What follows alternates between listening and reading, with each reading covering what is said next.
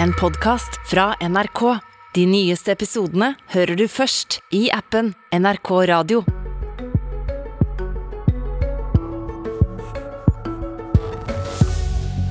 Putin truer med bruk av atomvåpen mot Ukraina. Vil mer våpen fra oss i Vesten føre til større atomfare eller mindre? Velkommen til Politisk kvarter. Mitt navn er Ole Reinert Omvik. I dag skal vi se nærmere på hva Putin har truet med, nemlig bruken av såkalte taktiske atomvåpen. I går kom Putin med denne trusselen i en TV-sendt tale. В случае продолжения попыток проведения на нашей территории терактов ответы со стороны России будут жесткими и по своим масштабам Oversatt så sier Putin følgende Hvis terror mot vårt territorium fortsetter, vil Russlands respons være hard. Den vil stå i forhold til den trusselen som den russiske føderasjon utsettes for. Ingen skal være i tvil om det. ни у кого не должно быть никаких в этом сомнений. I flere sammenhenger har Putin hintet om at han er villig til å bruke taktiske atomvåpen. Og I helgen sa USAs president Joe Biden at Putin is not joking. Han tuller ikke når han kommer med disse truslene. Og I går kom den finske presidenten, som har kjent Putin i mange år, med denne uttalelsen da han besøkte Norge. I found it uh, very difficult to see that uh, Putin, President Putin, could uh, acknowledge any kind of defeat. Is he capable for that? That's the question. And I, I think he is not capable of taking a defeat. Ja, I korte trekk så sier den finske presidenten at Putin ikke vil gi seg. Så hva gjør vi her i Vesten nå, og hva gjør Norge? Øker vi faren for atomkrig hvis vi fortsetter å fòre ukrainerne med våpen, eller minsker vi atomfaren? Før vi tar diskusjonen om dette alvorlige temaet, så vil jeg spørre deg, Sverre Disen, forsker ved Forsvarets forskningsinstitutt. Hva slags atomvåpen er det Putin truer med? Han truer med det som kalles taktiske eh, atomvåpen, som er altså et eh, kjernevåpen med en, eh, bare en ørliten del av sprengkraften til de store atomvåpnene som vi tenker på når vi tenker på slutten av andre verdenskrig og Hiroshima og kappløpet under den kalde krigen. Dette er våpen som egentlig ble utviklet av Vesten under den kalde krigen for å kompensere for russernes voldsomme konvensjonelle overlegenhet. Men det er jo ikke lenger situasjonen. I dag er det Nato som er konvensjonelt overlegen, og det er grunnen til at Vesten stort sett har kvittet seg med disse små taktiske kjernevåpnene, som eh, egentlig eh, ikke har større sprengkraft enn at eh, man kunne oppnå det samme med tilstrekkelig mange konvensjonelle eh, artillerigranater eller, eller flybomber, f.eks. Så disse vil ikke ha denne atomsoppen som vi kjenner fra film og bilder fra 50-, 60- og 70-tallet? Nei, den vil i hvert fall være eh, mye mye mindre. Og akkurat denne karakteristiske soppskyen den eh, har ikke bare sammenheng med hvor stort våpenet er, men også i hvilken høyde det, det settes av. Mm. Eh, med så små atombomber, er da terskelen lavere for å bruke dem? Ja, Den er lavere på den måten at de store strategiske atomvåpnene dem kan man egentlig ikke tenke seg tatt i bruk i det hele tatt. De eksisterer jo nettopp bare for å ha en så ødeleggende effekt at det er helt meningsløst å bruke dem. fordi det går altså ikke an å si at man har vunnet en krig etter at den har vært trappet opp til det nivået. Så på den måten så er terskelen lavere. Men det betyr ikke at, at det ikke vil ha meget store konsekvenser for Putin å krysse den linjen og ta i bruk et kjernevåpen, stort eller lite. Det har å gjøre med det spesielle tabuet som, som omgir kjernevåpen, og som gjør at reaksjonen på det vil være, tror jeg, helt ødeleggende for Putin. Og det er han nok antagelig klar over selv også. Men det du sier, hvis Putin blir nok presset, så er terskelen lavere for han å bruke disse våpnene enn det var i terrorbalansens tid, når det å trykke på atomknappen betydde total krig og, og total gjengjeldelse. Ja, sånn sett er det det.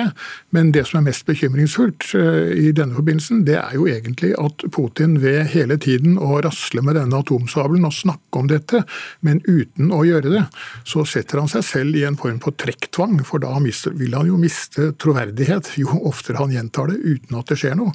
Og det er ganske bekymringsfullt, særlig fordi han nå har en, en indre opposisjon opposisjon i sin egen krets som, som begynner å bli misfornøyd, og som selvfølgelig også har eh, mennesker blant seg som, som faktisk ønsker eh, en eh, bruk av et taktisk kjernevåpen i den tro at det skal være det som skal til for å skremme Vesten fra å fortsette å støtte Ukraina.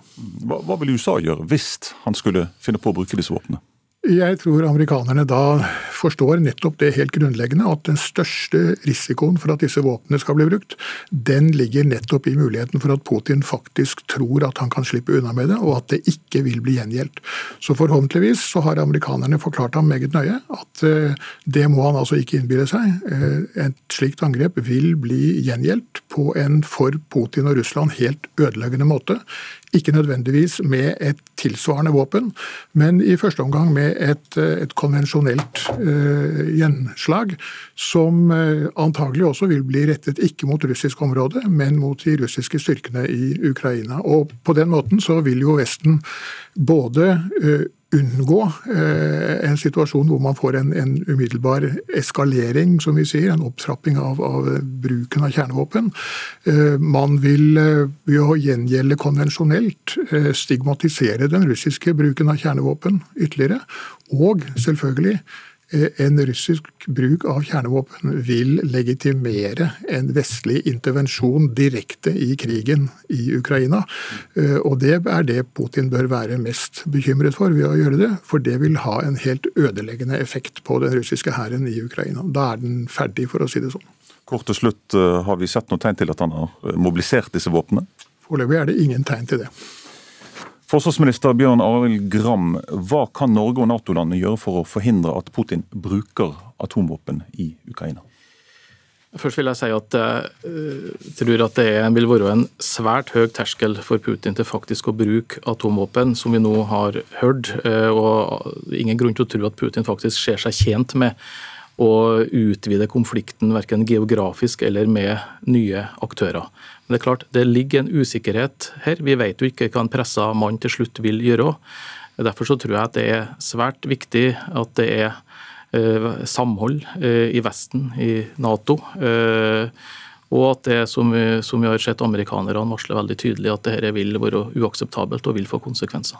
Men Er du enig med Disen at det å skremme med eh, massiv gjengjeldelse, eh, eh, som, som, var på en måte tanken i hele terrorbalansens tid, det er det som er måten å få han til å eh, ikke bruke disse våpnene? Jeg tror det er helt avgjørende å gjøre det klart for Putin at dette ikke vil bli akseptert fra verdenssamfunnet og Vesten, som nå støtter Ukraina i deres forsvarskamp. Mm.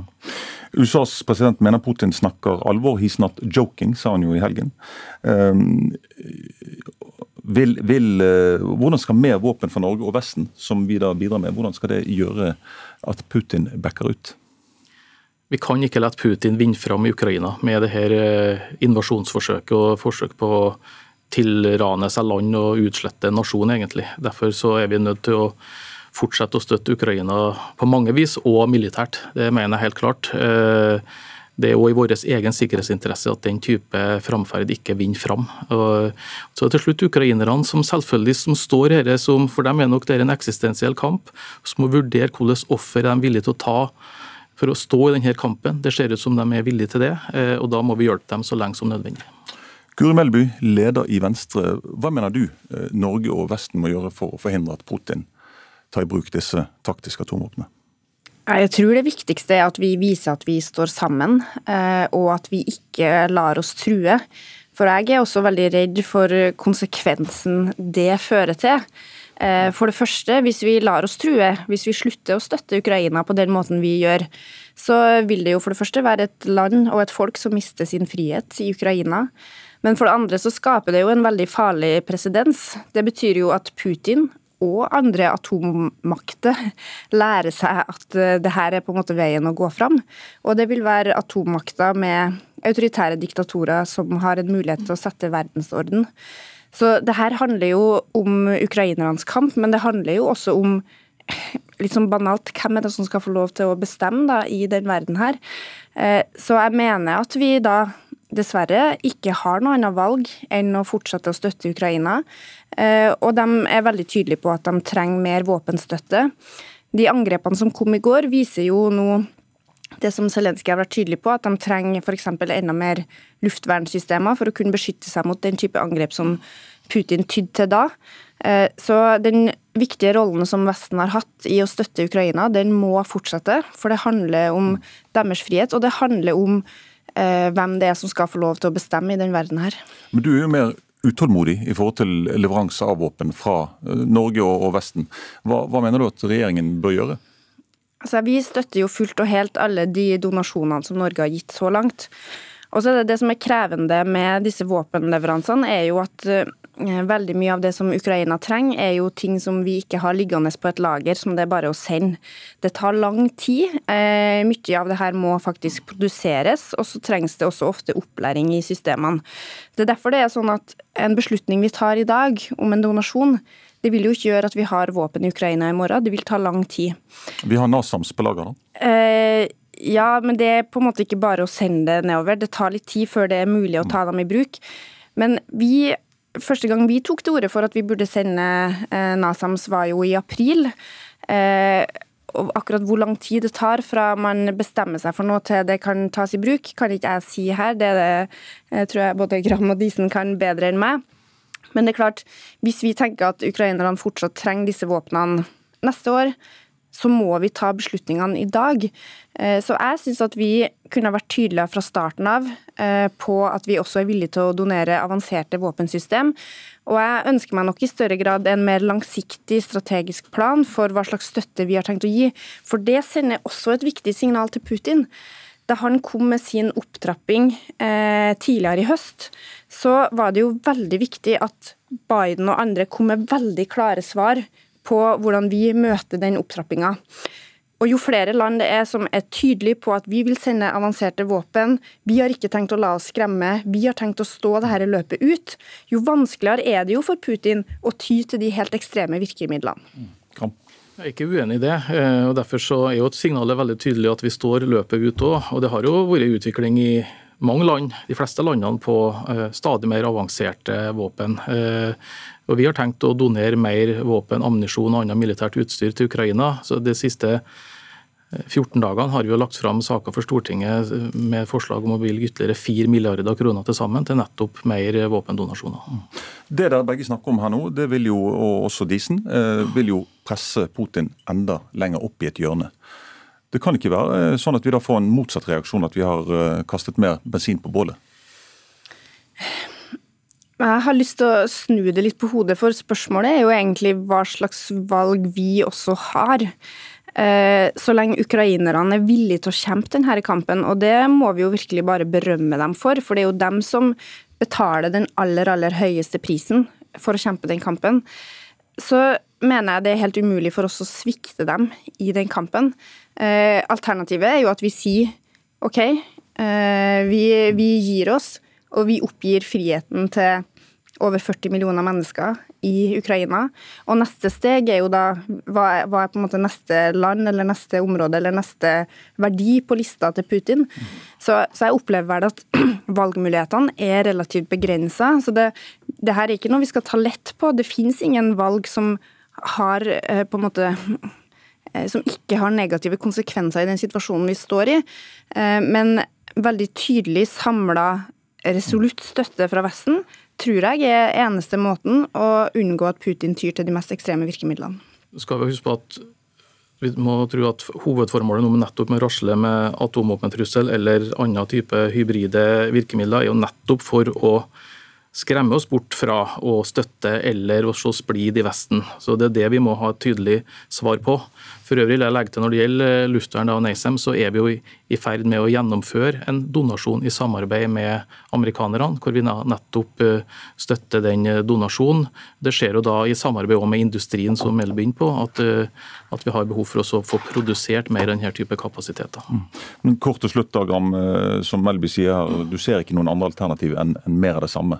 Mer våpen til Ukraina? Vi kommer til å fortsette å støtte med våpen. og Så annonserer vi nødvendigvis ikke på forhånd heller da, alt vi bidrar med, men vi har gitt betydelig med donasjoner så langt, eh, også avanserte våpen, som i tråd med det ønskene Ukraina har, og vil fortsette med det. Mm. Jeg startet jo denne sendingen med å stille spørsmålet om vil mer våpen eh, føre til at vi presser Putin opp i et hjørne som gjør han enda farligere. Og Svaret fra dere er vel at eh, det er den eneste løsningen vi har. Eh, vi må true han til å ikke bruke disse våpnene. Jeg håper dere har rett. Takk for at dere kom. Sverre Disen, forsker ved Forsvarets eh, forskningsinstitutt. Guri Melby, leder i Venstre. Og Bjørn Arle Gram, forsvarsminister. Vi høres i morgen. Du har hørt en podkast fra NRK. De nyeste episodene hører du først i appen NRK Radio.